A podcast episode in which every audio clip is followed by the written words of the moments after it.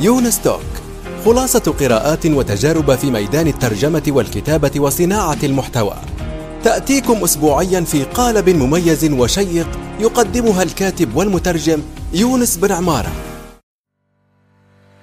الآن وفي الأسواق وعبر شبكات التواصل. رواية إفيانا باسكال للكاتب يونس بن عمارة.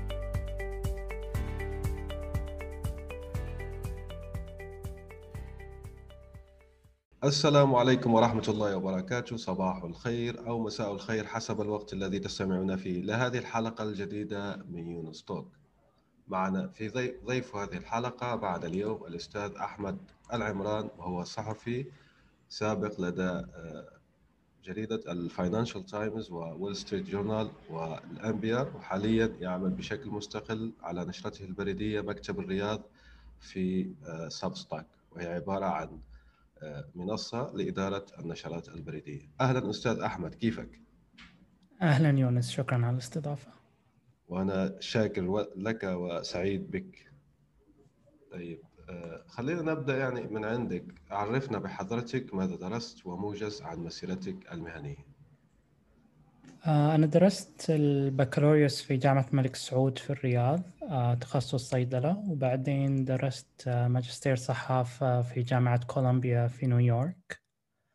وبعدها انتقلت إلى واشنطن دي سي عملت في NPR The National Public Radio الإذاعة الوطنية الأمريكية. بعدها رجعت السعودية وعملت مع جريدة وول ستريت جورنال الأمريكية ثلاث سنوات وبعدها آه، جريدة فاينانشال تايمز البريطانية ثلاث سنوات كمراسل في السعودية آه، وخلال الست سنين الماضية غطيت آه، المملكة بشكل عام أخبارها السياسية والاقتصادية والتغيرات الاجتماعية والثقافية اللي اللي حصلت فيها. ما شاء الله عليك، يبدو أنها مسيرة حافلة ما شاء الله. ما أعتبر نفسي آه، أمضيت وقت طويل يعني في العمل كمسيرة من من انتهيت من الدراسة لكن السنوات الماضية كانت حافلة بالأحداث وأشياء كثير فيها تغيرت، المنطقة تغيرت، البلد تغير والتقنيات والتكنولوجيا اللي اللي اللي, اللي تحكم التغطية أيضا تغيرت فانه ما أعتبر مسيرتي طويلة لكن الفترة كانت مليئة بالأحداث. آه، زي ما يقول آه، العبارة المشهورة عن لينين بيقول يعني أحيانا آه، سنة بيحدث فيها عقود وأحيانا عقود لا يحدث فيها شيء. أعتقد أنه 2020 يعني ينطبق عليه هذه الكلمة من لينين بشكل ممتاز على كل حال. هي كانت سنة غريبة مع مع الفيروس والحظر وال القيود على السفر والتنقل آه، أعتقد العالم كله مر بسنة غريبة وإن شاء الله السنة الجاية أحسن. يا رب يا رب. تمام. آه، السؤال الأول الذي عندي هو آرائك في قطاع الإعلام والصحافة على مستوى العالم والوطن العربي من ناحية الاستدامة المالية الأخبار الزائفة والتربية الإعلامية. طبعا يعني ال... بسبب الإنترنت الصحافة وعالم الإعلام تغير بشكل كبير خلال السنوات الأخيرة ونفس التغييرات اللي نوعا ما شفناها بدأت في دول العالم المتقدم في أمريكا وأوروبا اللي أثرت على الجرايد والوسائل الإعلام التقليدية. الآن بدأت هذا التأثير والتغيير أيضا يظهر في منطقتنا وشفنا أنه كثير من الجرائد ووسائل الإعلام التقليدية قاعدة تعاني لأنه السوق تغير وطريقة استهلاك القراء والناس للأخبار والمعلومات تغيرت. وبما فيها كما ذكرت آه، الفيك نيوز والأخبار الزائفة وال آه، كمية المعلومات اللي كل منا يستهلكها في الفترة هذه في مواقع التواصل الاجتماعي في وسائل كثيرة. فالعالم كله تغير وإحنا جزء من العالم بكل تأكيد. طبعا هالشيء أدى إلى تحديات في مسألة الاستدامه إنه كيف أنت كوسيلة تقليدية أو كجريدة عمرك 50 60 100 سنة تقدر تستمر. بعضهم طبعا ما قدر أو ما راح يقدر لأنه ما راح يقدر يتكيف ما راح يقدر يتغير. ممكن هالشيء راح ينتج عن آه know, خروج نماذج جديدة أفكار جديدة طرق جديدة للاستهلاك ولتقديم الأخبار والمعلومات. لكن الفترة هذه مثيرة لأنه فيها كثير من التغيير وإحنا قاعدين نعيش هالتغيير آه، يوم بيوم طبعا. تمام. بما أنك من المملكة أعطينا يعني نصيحة موجزة لأصحاب الجرائد سواء الصغيرة أو الكبيرة آه، كيف مثلا الناس اللي راح تسمعنا الآن وهو صاحب جريدة أو صاحب صحيفة أو صاحب يعني آه، ميديا في الإنترنت أو على الواقع أو كلاهما أنت ماذا تنصحه بحكم خبرتك؟ طبعا لأنك غطيت الجانب الاقتصادي وعندك معرفة كبيرة جدا موضوع نماذج العمل بالضبط نماذج العمل التجارية الخاصة بالصحافة. ما أدري إذا كنت في في موقع يسمح لي إنه إنه أوجه نصائح ل لملاك الصحف وأصحابها لأنه هم أدرى بعملهم و... والنماذج اللي يستخدموها وكيف ممكن تتغير لكن لازم يشوفون الواقع اللي قدامهم لأنه العالم تغير ولازم تتكيف. أنت ما تقدر تستمر بنفس الطريقة اللي كنت تشتغل فيها من 30 أو 40 سنة وتتوقع إنك تقدر تستمر في وجه الظروف اللي كلها تغيرت تغيرت فيها طريقة الناس لاستهلاك الأخبار والمعلومات تغير فيها السوق الإعلان والمعلنين وكيف يوصلوا للناس. أعتقد ال ال التكيف طبعا صعب جدا لأنه كثير منها عمره طويل وبنى نفسه على طريقة معينة وصعبة أنه الآن خلال فترة قصيرة يقدر أنه يغير فيها التوجه أو نموذج العمل.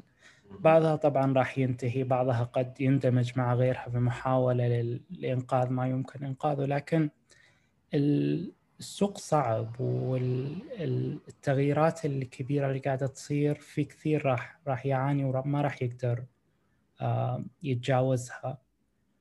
النصيحة إنه شوف التغيرات السوق وحاول إنك تتكيف وتتغير. لكن مثل ما قلت في ناس كثير وفي وسائل كثيرة راح صعب جدا إنها تتجاوز الفترة الحالية. وإحنا اوريدي قاعدين نشوف مثلا آه، صحف في السعودية أو في العالم العربي إما أغلقت أبوابها أو توقفت عن الطبع واقتصرت الآن على مثلا مواقع أو وسائل التواصل. ف يعني إحنا قاعدين نشوف النتائج اوريدي قاعدة قاعدة تحصل على الأرض. فعلا. تمام. السؤال الثالث هو ما هو السبيل الأمثل بنظرك لصانع المحتوى العربي؟ لأنه شوف يعني فيه الآن فرق كبير. يعني أصبحنا لدينا صحافة المواطن يعني مش فرق كبير أصبح آه، زي ما نقولوا في حاجز ضبابي بين الصحفي وغير الصحفي يعني. فلهذا أنا ركزت في هذا السؤال عن صانع المحتوى بشكل عام. فما هو السبيل الأمثل إن أراد أن يكسب قوته من صناعته للمحتوى؟ خلينا بنحكي مثلا آه، وسيلة إعلامية ذات فرد واحد زي حضرتك خطوتك الأخيرة اللي راح نحكوا عليها بعدين إن شاء الله. أنك أصبحت يعني مكتفي فقط بنشرتك البريدية وجمهورك يدعمك ماليا بشكل مباشر عبر الاشتراكات. يعني one man media media زي هيك يعني. وسيله اعلاميه ذات شخص واحد. أنت شو تنصحه هذا صانع المحتوى اللي عنده نموذج زي هذا؟ طبعا كل كل شخص آه، وضعه مختلف وظروفه مختلفة. يعني في آه، في حالتي الشخصية اللي حصل إنه من جهة يعني طبعا أنا بدايتي أصلا في الكتابة كانت في التدوين. آه، بدأت أحد أولى المدونات في في السعودية والخليج آه، في 2004 وهذا الطريق اللي عرفني فيه كثير من الناس قبل ما أدرس صحافة وأحترف عمل الصحافة في مؤسسات آه، كبيرة ومؤسسات عالمية. فإلى حد ما أعتبر التغيير الجديد عملي الجديد الحالة النشر البريدية عودة إلى إلى إلى جذوري أو إلى بداياتي والطريقة اللي بدأت فيها. آه، مو كلنا راح يكون لنا نفس الطريق ومو كل الناس راح يكون عنده نفس التجربة أو نفس الخبرة حتى يقدر إنه آه، يعمل نقلة مثل هذه أو يختار نموذج يناسبه. طبعا النماذج كثيرة لأنه مثل ما مثل ما قلت في صناع محتوى كثير الآن في العالم العربي وكثير منهم يستخدم قنوات مختلفة سواء يوتيوب أو أو تويتر أو سناب شات. في في ناس يعني كل شخص عنده قناته المفضلة وطريقته المفضلة. وبعدين يجي السؤال إذا أنت قدرت إن أنت آه، تقدم محتوى مثير للاهتمام ولا جمهور وقدرت توصل إلى شريحة كيف تقدر آه، تربح منها. تعمل منها مصدر دخل أو monetize basically أيوه. آه وهالشيء ممكن يجيب أكثر من طريقة عن طريق الإعلانات عن طريق الرعاية sponsorship أو مثل حالتي الاشتراكات المباشرة إنه الجمهور اللي يبغى المحتوى حقك راح يدفع حتى آه يحصل على المحتوى هذا. آه حسب نوعية المحتوى والشخص النموذج راح يختلف طبعا. آه لو أنت المحتوى آه آه، مثل تسي لايت وترفيهي صعب إنه الناس راح يكونون آه، مستعدين هم يدفعون له بشكل مباشر. لكن إذا كان المحتوى مثلا احترافي لناس متخصصة أو لمجموعة معينة اللي هي مثلا مستعدة أو عندها القدرة والاستعداد إنها تدفع راح يكون هالشيء هو النموذج الأنسب بالنسبة لك. يعني فالنماذج مختلفة طبعا وكل صانع محتوى لازم يقرر إيش إيش الطريقة أو إيش النموذج اللي يناسب المحتوى اللي هو يقدمه. حلو جدا يعني حسب هو زي أنت ما حكيت تجربتك بس أنت ذكرت أنه صناع المحتوى الآخرين مثلا سناب شات تويتر وغيره لكن نموذج العمل اللي أنت بتشتغل فيه أعتقد أنك العربي الوحيد أعتقد في سبستاك اللي أطلق يعني نشرة مدفوعه يعني. هو هذا أصلا النموذج هذا. جديد علينا نحن العرب يعني بشكل عام وهو موجة زي ما نقول ممكن موجة ثانية أو ثالثة بالنسبة للغرب لأنه كان في فعلا محاولات من 2013 في هذا المجال لكن السوق لم يكن ناضج أو أو ما شابه لكن في الوقت الحالي 2020 بالذات مع هجرة عدد كبير جدا من الصحفيين وأنت منهم يعني من المؤسسات المرموقة والاستقلالية بأنفسهم. هذا أصلا أيضا آه، يعني نموذج فريد من نوعه يعني مش مش زي تقليدي زي الناس الآخرين مثلا مجرد إعلانات مجرد أنه يبيعوا بالعمولة أو شيء من هذا القبيل يعني. اي طبعا مثل ما قلت الفترة الحالية صار فيها مثل الموجة من الصحفيين اللي كانوا يعملون في مؤسسات تقليدية وقرروا إن هم يجربوا آه، النموذج هذا اللي هو نشرة بريدية باشتراكات مباشرة من القراء أو الجمهور. طبعا في أكثر من سبب جزء منها أنه المؤسسات والظروف آه، سوق الإعلام والصحافة قاعدة تتغير. الشيء الثاني طبعا وجود الوسائل وال platforms اللي تتيح هالشيء. Substack ما كان موجود مثلا قبل ثلاث سنوات. ما كان من السهولة قبل آه، خمس أو ست أو سبع سنوات إنه آه، كاتب يقدر يكون آه، عنده علاقة مباشرة مع القراء يدفعون فيها مقابل المعلومات أو الخدمة بدون معرفة تقنية كبيرة تقنية كبيرة أو إنه إنك محتاج انفراستراكشر أو أو بنى تحتية معينة حتى تقدر توصل للقراء وتستلم منهم أموال المبالغ وكذا. إضافة إلى أنه حتى لو وجدت فتلك كانت مكلفة جدا وعائدها يعني معظمه يروح زي أنت ما حكيت في تطوير البنية التحتية لهذا الشيء.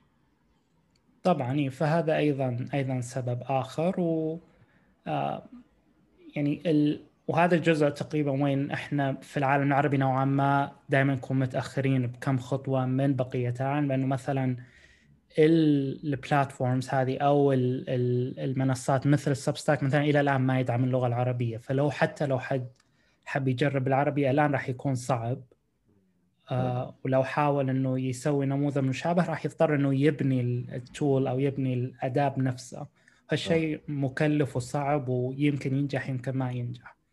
بينما خدمة مثل ال Substack تخليك أنت خلاص ما أنت مضطر إنك تعرف الجانب التقني خلاص أنت بس تركز على عملك اللي هو الكتابة أو المحتوى وهم يهتموا بقضية ال credit card وال handling والأدوات اللي اللي تساعدك آه، توصل شغلك للعالم. فعلا كل شيء آخر يعني ويخليك تركز على المحتوى. طيب هذه زي ما نقولوا مرحلة متقدمة بالنسبة الصحفيين لأن أنا عندي احتكاك بسيط مع الصحافة العربية وأشوف أنه الأشياء اللي يحكوا فيها اللي حكينا فيها يعني الدقائق السابقة هي أشياء يعني ممكن بعض الناس حتى لو يعمل في الصحافة يعني مش سامع أصلا بسبستاك شو هو فطيب هنا يتمحور السؤال آه، الرابع. نصائحك للصحفيين الشباب من العرب. هموم هذا المجال كيف يطورون أنفسهم فيه؟ ما لا تمنحه الجامعات لهم؟ بحكم خبرتك يعني؟ لا أعتقد آه، يعني الظروف عندنا شوية صعبة لأنه مو بس إنه آه، ينقصنا مثلا المدارس والكليات اللي تأهل الصحفيين وتساعدهم إنهم آه، يكونون جيدين في عملهم أيضا الجو العام والظروف السياسية والاقتصادية للمنطقة حتى تخلي عمل الصحافة جدا صعب والمساله إنه شخص يدخل المجال ويحاول إنه يجيد فيه ويكون مصدر رزقه ما هو سهل بأي حال من الأحوال في منطقتنا للأسف. لكن النصيحة إنه إنك تبدأ و لأن الآن إحنا في وقت وفي عصر تقدر تبدأ بدون كلفة كبيرة تقدر تبدأ مدونة تقدر تبدأ على وسائل التواصل وتحاول إنك من جهة تقرأ وتتابع وتهتم بال بال القصة أو القطاع المعين اللي أنت تبغى تغطيه. ومن جهة ثانية أنك تتدرب أنك تكتب وتمارس و... وتحتك بالناس اللي هم في نفس المجال ونفس القطاع. والشيء شيئا فشيء تقدر تبني اسمك وسمعتك بحيث إنه ممكن آآ آآ بعد بعد فترة تقدر يا إما تلتحق بمؤسسة وتبني أكبر أو إنك تستقل وتستمر بشكل مستقل وتوصل لمكان إنه بنيت سمعة واسم كفاية بحيث إنه جمهورك مستعد إنه يدفع بشكل مباشر حتى يحصل لي آه، على نتيجة عملك. آه، لكن ما يعني في الأخير الشيء الأساسي هو القصة أو storytelling إيش أنت إيش قاعد تقدم؟ وهذا الشيء الصعب وهذا الشيء هل الشيء اللي أنت قاعد تقدمه له قيمة والناس مستعدة أنها تتابعه وتسمعه وفي النهاية تدفع له أو لا؟ وهالشيء في تحدي كبير لأنه مثل ما قلت ال ال الظروف السياسية والاقتصادية في منطقتنا تخلي من الصعب أن الناس تبدأ هالعمل وتطلع من شيء جاد بدون مخاطرة على نفسها وعلى سلامتها. أنت ذكرت هنا نقطة مهمة جدا أشكرك عليها وأن تكلفة الدخول في هذه اللعبة يعني تبع الإنترنت أو هذه المغامرة زي ما يقولوا آه، أصبحت منخفضة جدا. وانت ذكرت مثلا في مصادر كثيرة جدا. أنا شخصيا شفت في هذا العام مئات حرفيا مئات الويبينارات من خبراء صحفيين من كافة يعني الأطياف. وبالعربية أحكي مش بالإنجليزية. فيه يعني طوفان من الويبينارات اللي فيك أنك تطور فيها نفسك وذاتك. فيعني التعلم أيضا أصبح تكلفته يعني شبه منعدمه لم تكن يعني منعدمه اللي يحب يعني يطور نفسه. بس خلينا نرجع خطوة إلى الوراء يعني مش أنك تكتب صحافة جيدة جدا والناس يدفعوا لك لا. خلينا نروح لمسألة مثلا ممكن freelancer. أنت مثلا ما هي نصائحك لصحافي خريج جديد وبده أنه يقبل يقبل مقاله أو عمله في صحف مرموقة زي فاينانشال تايمز أو وول ستريت جورنال أو بلومبرج أو غيرها يعني من هذه الصحف المرموقة. طيب خلينا نركز على هذه النقطة بالضبط. ما هي نصائحك له النصيحة الأولى هي القراءة طبعا إن أنت تقرأ الوسائل هذه وتتابعها بشكل دقيق بحيث أنك تعرف إيش اهتماماتها؟ إيش القصص اللي تغطيها؟ وإيش الطريقة اللي تتناول فيها هذه القصص؟ من أي زاوية؟ من أي آآ آآ إيش تركز عليه؟ إيش الأشياء اللي دائما يرد ذكرها في في التغطيات هذه؟ وبالتالي لما أنت تجي وحاب إنك تقدم لهم نفسك أو حتى تحاول إنك تحصل على فرصة عمل you become a good fit لأنه أنت عارف إيش ال... إيش اللي هم يقدموه تقدر تقدم شيء مشابه أو في نفس المستوى.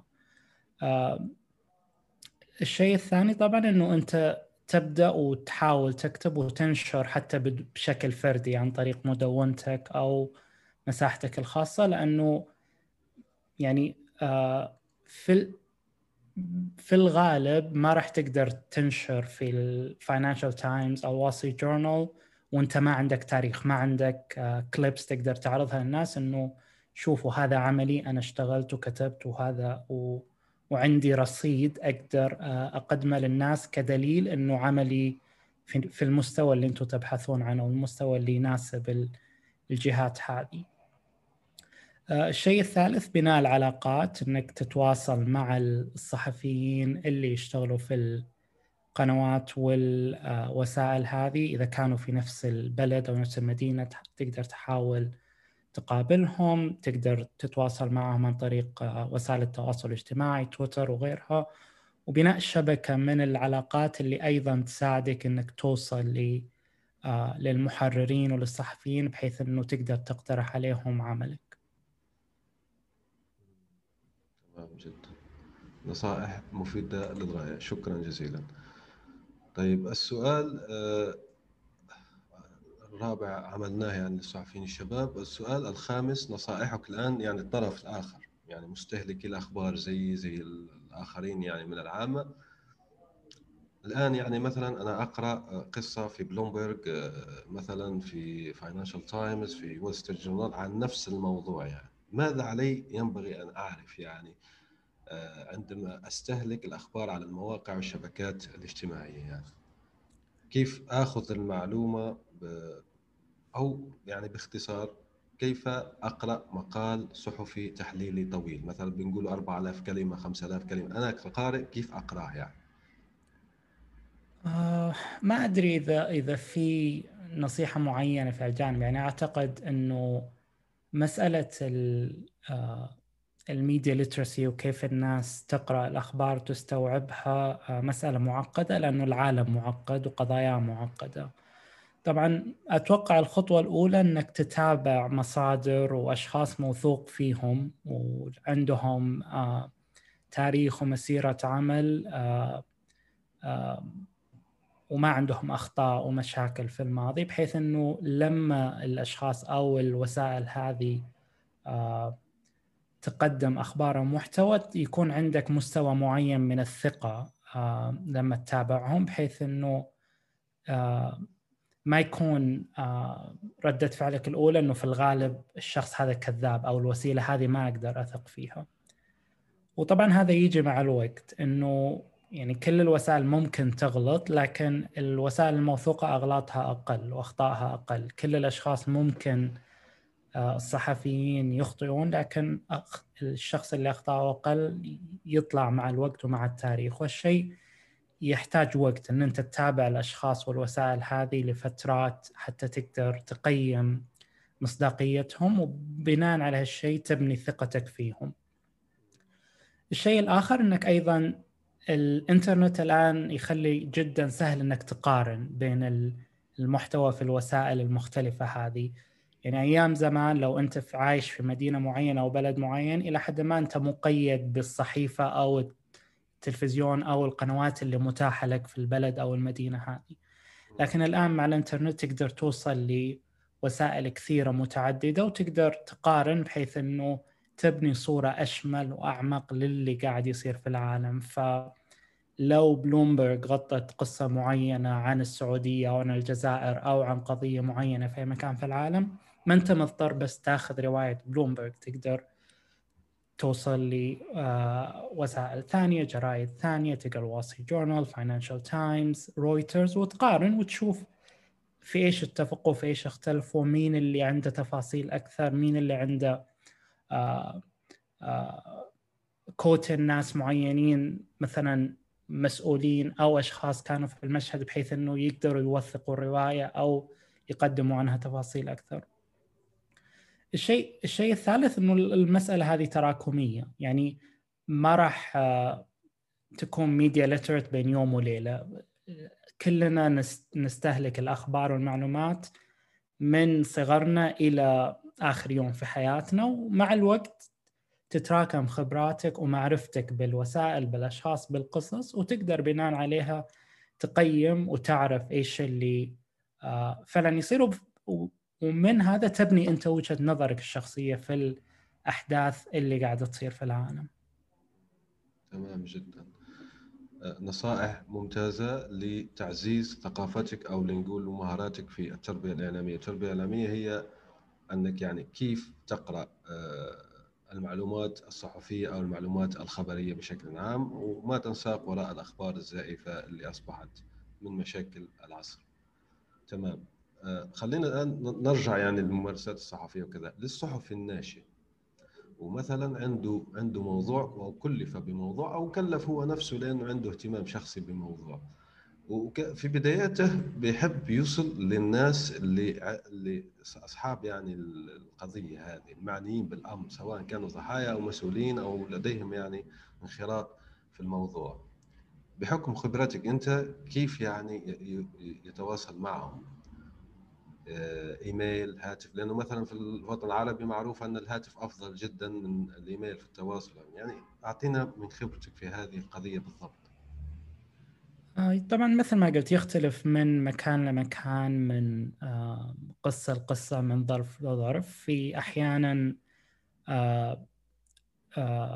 you know لو كان جهة رسمية و أو شركة وريسبونسيف ممكن ترسل لهم إيميل ويردون ويجاوبوا على أسئلتك أو أو لا. آه، مثل ما قلت في أحيانا تكون لازم تتصل على الأشخاص المعينين وتحاول إنك آه، آه، تكلمهم بالهاتف. في حالات ثانية لازم تروح بنفسك للمشهد أو للمكان اللي صار فيه الحادث أو القصة أو الحدث حتى تشوفه بنفسك بعينك وتعرف اللي إيش اللي قاعد يصير وتكلم الأشخاص اللي موجودين اللي هم شهود العيان اللي يعني. شافوا واختبروا القضية أو المشهد فما في يعني سبيل واحد وطبعا في كمان شغلة إضافية اللي هي القراءة والبحث إنه إذا في قضية معينة تبغى تغطيها في الغالب إنه تم الكتابة عنها سابقا. في أشخاص كتبوا عنها وتناولوها وبحثوها ويساعدك أنك تقرأ وتبحث في في المحتوى السابق عن أي قضية أو حدث أو أو مكان أو شخص. وإذا بتقابل شخص معين أو مسؤول أيضا لازم you know, تقرأ عنه قبل. يمكن تسأل الناس اللي يعرفوه أو الأشخاص اللي تعاملوا معاه إيش الطريقة الأنسب للوصول له أو للحديث معه أو الحصول على المعلومات منه. مثل ما قلت الشيء أيضا هذا تراكمي إنه مع الوقت ومع الخبرة والتعامل مع الناس راح تعرف إيش الوسيلة الأنجع للوصول للوصول للأشخاص أو للمعلومات. والشيء يعتمد على السياق اللي أنت فيه. أحيانا آه، ممكن إنك تسوي كل شيء وأنت في مكانك من الإنترنت وبالهاتف. أحيانا مضطر إنك تروح المكان وتشوف وتسافر وتتنقل حتى توصل لل للمعلومة أو الحدث الشيء هذا اللي يحكمه القصة أو الموضوع اللي أنت تغطيه. تمام جدا. طيب خلينا ننقل الآن السؤال إلى آه، الصحفي نفسه. طبعا بحكمك صحفي وأنت ناشر ما شاء الله في عدة يعني آه، منافذ إعلامية أو مؤسسات إعلامية مرموقة. تصلك كم هائل من آه، طلب نشر؟ مثلا أنا شاب سعودي عندي شركة ناشئة وتمولت حديثا. بدي أستاذ أحمد آل عمران بيكتب عنا في الفاينانشال تايمز. فالمهم يوصلك عدد كبير جدا من هذه المواضيع. أول شيء كيف تقرر أنك تتفاعل مع طلبات يعني التغطية الإعلامية؟ ثانيا كيف أصلا يعني تتعامل آه، مع هذا الكم الهائل؟ لأنه لاحظت أنك تستخدم خدمة hey dot com وهذه يعني خدمة إيميل آه، متطورة يعني مش زي إيميل عادي. فحكينا عنها بعدين وحكينا أيضا في الأدوات اللي أنت مشترك فيها يعني الأدوات المدفوعة بحكمك صحافي لا يمكنك الاستغناء عنها حكينا عنها يعني بعد إجابتك عن كيف تستقبل وتدير طلبات التغطية الإعلامية اللي بتوصلك. آه هو طبعا في آه فرق كبير في طريقة التعامل مع البيانات الصحفية وطلبات التغطية بين آه منطقتنا وبقية العالم يعني في منطقتنا ما هو مستغرب أو أو أو غير عادي إنه مثلا جهة أو شركة أو آه، هيئة حكومية ترسل بيان ل آه، بيان صحفي لجريده والجريدة تنشر البيان كما هو. آه، أنا من خلال عملي في فاينانشال تايمز وول جورنال هذا الشيء مستحيل يحصل إنه ما راح يرسل ترسل لنا جهة أو شركة خبر أو بيان وراح ناخذه منهم وننشره لأنه آه، وقت واهتمام القراء أهم بكثير من إن أنت تعطيهم أي شيء يجيك. أنت لازم يكون عندك آه، آه، تقييمك ان جادجمنت إنه إيش إيش الأشياء المهمة للقارئ إيش اللي تستاهل وقتهم واهتمامهم. فمثل ما قلت تجينا طلبات كثيرة وبيانات طلبات تغطية وبيانات لكن نادر جدا إذا ما كان مستحيل إنه البيانات أو الطلبات هذه ينتج عنها خبر في الجريدة أو تغطية في الجريدة. في الغالب اللي يصير العكس اللي يصير إنه لو في تطبيق معين أو خدمة جديدة أو آآ آآ إعلان من هيئة حكومية في الغالب أنا راح أكون أعرف عن أو سمعت عن من قبل أو من الشخص آخر أو من جهات أو عن طريق غير مباشر وبعدين أنا راح أروح وأستفسر حتى أشوف إذا هالشيء فعلا يستحق إني اكتب عنه أو إني أغطيه أو إنه مستاهل إنه القراء يعرفوا عنه أو لا.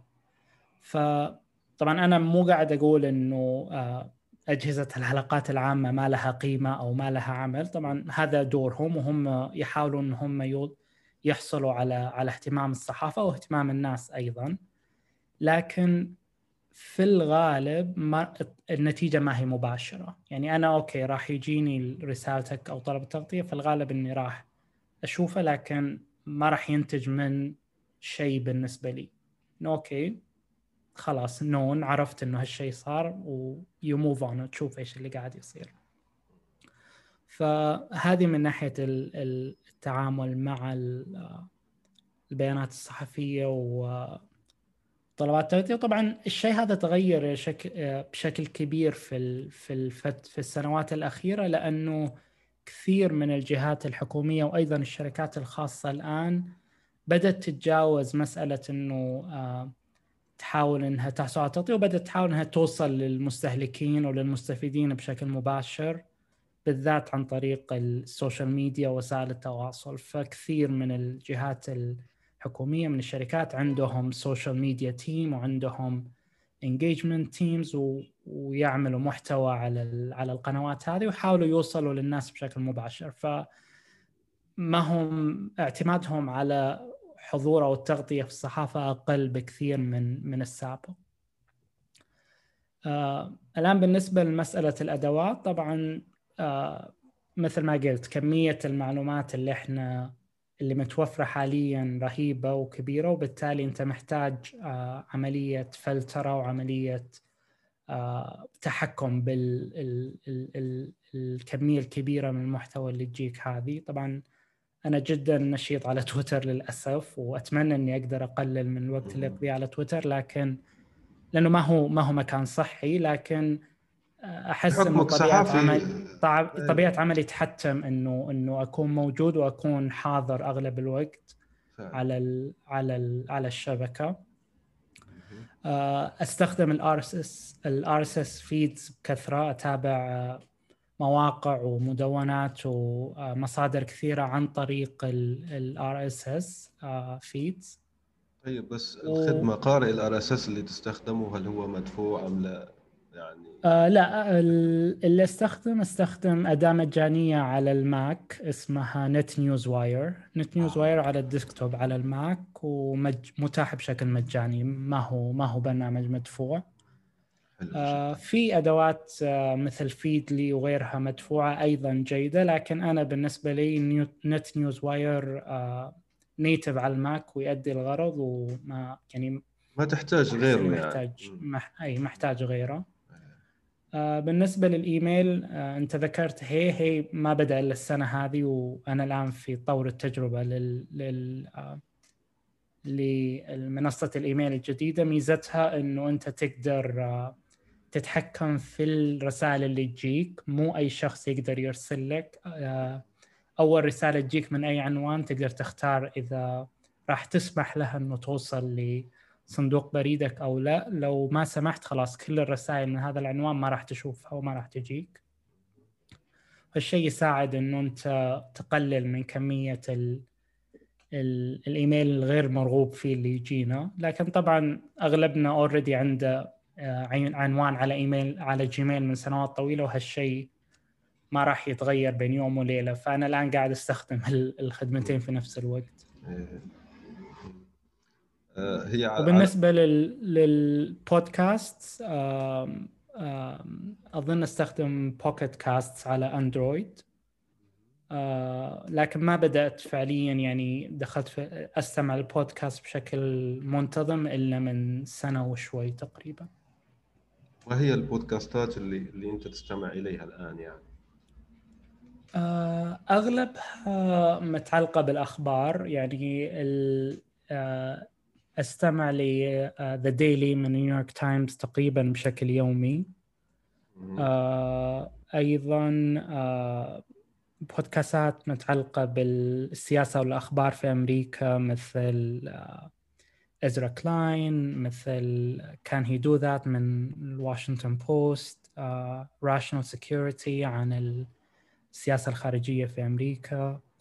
وفي أيضا آه, مجموعة أخرى اللي هي آه، بودكاستات تقنية مثل Stratechery آه، مثل Daring آه، Fireball وأيضا بودكاستات رياضية كرة قدم ما كرة قدم. و Stratechery حاطه مجاني لأنه هو عنده أيضا نشرة بريدية بس مش مجانية ل أيوة. أيوة.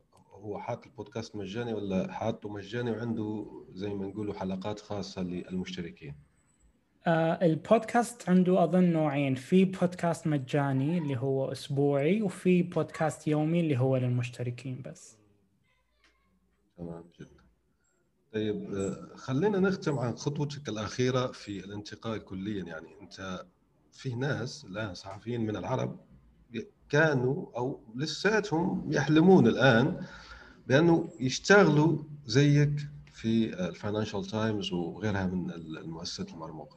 فأنت يعني ليش تركت هذه المكانة المرموقة وهذه المكانة الجيدة وممكن آه، المضمونة يعني توفر أمان مالي بشكل أو بآخر وحتى نفسي إلى الانتقال إلى Substack بشكل آه، مستقل ويعني احكي لنا عن هذه الخطوة بالضبط وأفاقها.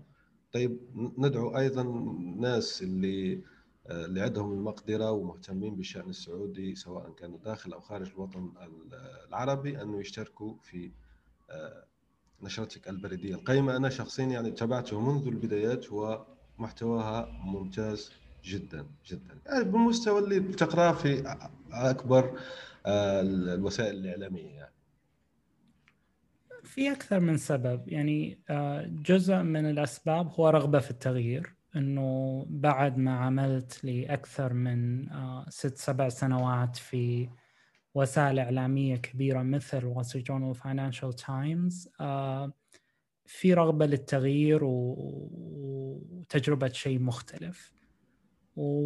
وحب مغامرة إنه في فرص جديدة متاحة وفي وسائل جديدة متاحة ومن ال... أحيانا تخاف إنه أنت ما جربت شيء ويفوتك لأنه ممكن يكون أفضل بكثير من الشيء اللي عندك. صح. جزء آخر مثل ما قلت قبل في بداية البودكاست اللي هو نوعا ما حنيت إلى بداياتي اللي هي في التدوين والكتابة بشكل مستقل. ما هو جزء من ال... من مؤسسة أو من مطبوعة آه، تحكمها ظروف وتحكمها نظرة معينة لتغطيتها لل... للسعودية وللمنطقة و... وال... ومحررينها وكل الأشياء هذا كل الأشياء اللي تيجي معاها. الشيء الثالث إنه حسيت إنه في مجال لتقديم آه تغطية أعمق ومختلفة وممكن تكون مفيدة وتساعد القراء على فهم السعودية بشكل أفضل في بطريقة لا تتاح لي في وسائل الإعلام التقليدية. يعني إني أكتب بهال آه بهالعمق وبهالتركيز و... وأحيانا عن قضايا مثلا جدا محلية أو جدا خاصة. بالسعودية قد ما تكون آه آه محل اهتمام لشريحة واسعة من القراء لكن في مجموعة آه، عندها شغف بهالموضوع وعندها اهتمام عالي بالبلد وظروفها وقضاياها. هالشيء راح ي... عندي فرصة إني أقدم لهم خدمة ومحتوى ما راح يمكن يحصلوه في مكان ثاني أو بنفس ال... بنفس التركيز وبنفس الكمية وبنفس الجودة. طبعا أنا لا زلت في البداية الأسبوع هذا كان الأسبوع الأول اللي عملت فيه بشكل كامل على ال... على النشره البريدية والحمد لله الأسبوع مر بشكل جيد. وإن شاء الله أقدر أواصل وأقدم آه، محتوى وخدمة يحسون الناس إنها تستحق ال... ال... ال... القيمة والمبلغ والاهتمام اللي هم يعطوها إياه. تمام. احكي لنا على المبلغ على ذكر المبلغ يعني كم للعام؟ وأنت عامل تخفيض طبعا لتشجيع الناس على الاشتراك يعني وهذه فرصة اللي يحب يشترك يعني ويشترك في خطة العام. كم العام في نشرتك البلدية الوقت الحالي يعني؟ آه، كلفة الاشتراك الشهري 12 دولار أو السنوي 120 دولار. وبما أني في البداية في تخفيض 20% الآن إلى الأسبوع القادم للي يشتركوا الآن آه، آه، خلال الفترة التجريبية هذه حتى حتى يحصلوا على تخفيض 20% لو اشتركوا الآن. تمام يكون أقل من 100 دولار حاليا. حلو جدا. هذا ما لدينا آه يعني وصلنا لنهاية الحلقة وأشكرك أستاذ أحمد جدا على آه، وقتك الثمين. يعني أنا سعيد والله فعلا أنا سعيد أنك قبلت هذه الدعوة وأفدتنا من خبراتك. آه وراح أحط طبعا كافة الروابط اللي حكينا عنها في التدوينة التابعة لهذه الحلقة. قول لنا كلمات ختامية يعني لجمهوري من المستمعين ونختم الحلقة. آه، شكرا يونس على الاستضافة آه، وأتمنى إنه الحلقة كانت آه، مفيدة للمستمعين وأعتذر على لغتي شوية لأنه أنا نادر ما أسوي لقاءات بالعربي آه، آه، مرتبك. لكن أتمنى انه انه انه انه إنه كانت مفيدة ومثرية وإن شاء الله نظل على تواصل. بإذن الله. شكرا جزيلا وإلى اللقاء. سلام. الآن وفي الأسواق وعبر شبكات التواصل. رواية إفيانا باسكال. للكاتب يونس بن عمارة.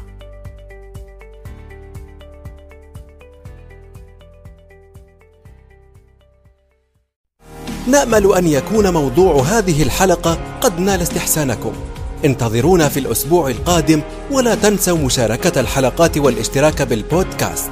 علما أنه بإمكانكم مراسلتنا باقتراحاتكم للتحدث عن أي موضوع يتعلق بالكتابة والترجمة وصناعة المحتوى.